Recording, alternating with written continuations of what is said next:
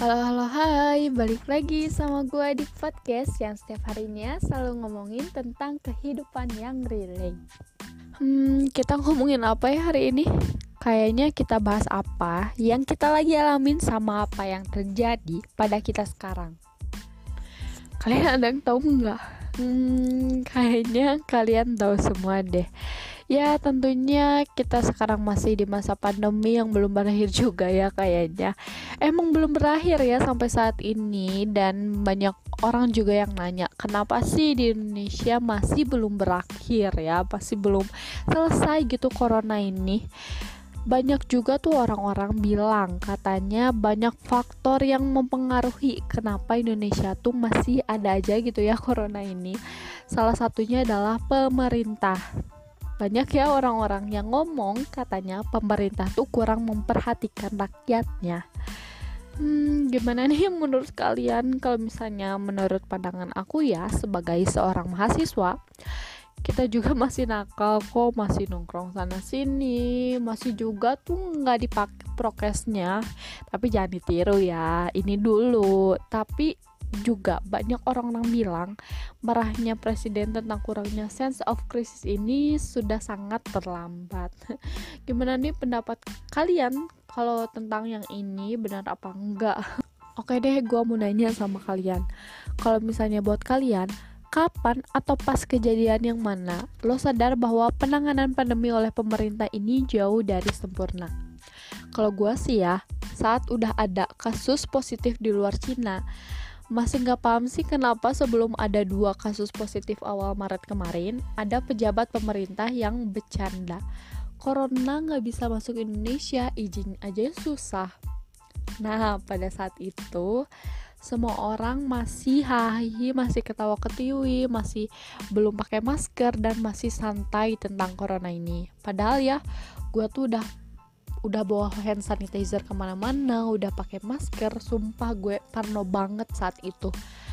Karena semua orang lagi ngomongin corona lagi booming banget ya corona bun sampai gue beli sebelah pun corona selalu dibahas. Katanya gak bakal tuh corona masuk ke Indonesia tapi nyatanya corona sampai saat ini masih betah masih tinggal di Indonesia belum pulang-pulang tapi ini ya tapi kata orang sih corona ada baik buruknya buat kita semua. Bukan kata orang juga sih kata gue juga.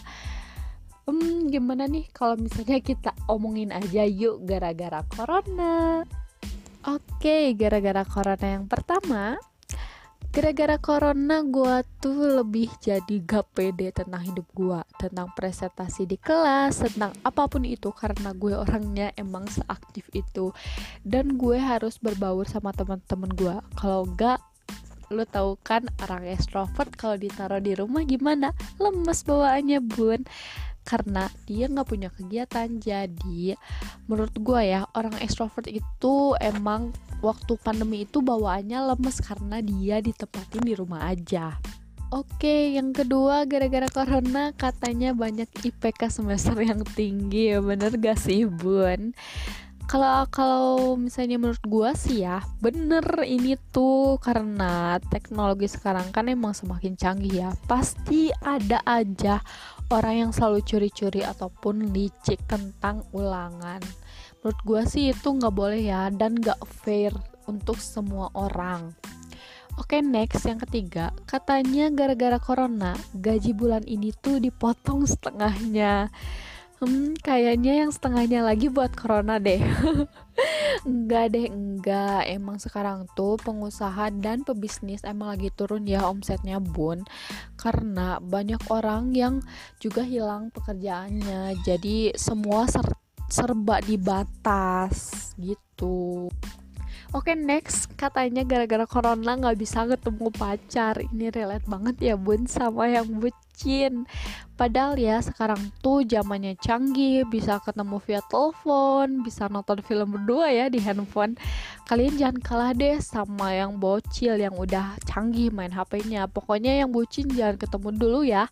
Bukannya gue iri tapi ya emang ini untuk kesehatan bersama Oke okay, next, gara-gara corona nikahan jadi murah. Ini bener gak sih?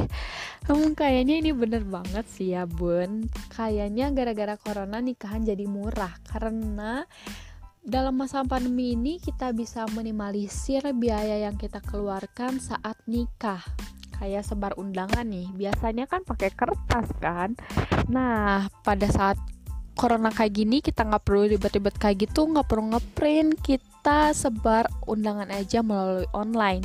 Gampang kan? Harus pinter-pinter sih kalau ini. Ada yang mau nikah? Enggak sih kalau aku enggak mohon maaf ya bun masih kuliah. Oke okay, next Oke katanya gara-gara corona gabutnya jadi keterlaluan. Ini bener banget sih sama kehidupan kita semua pada saat ini.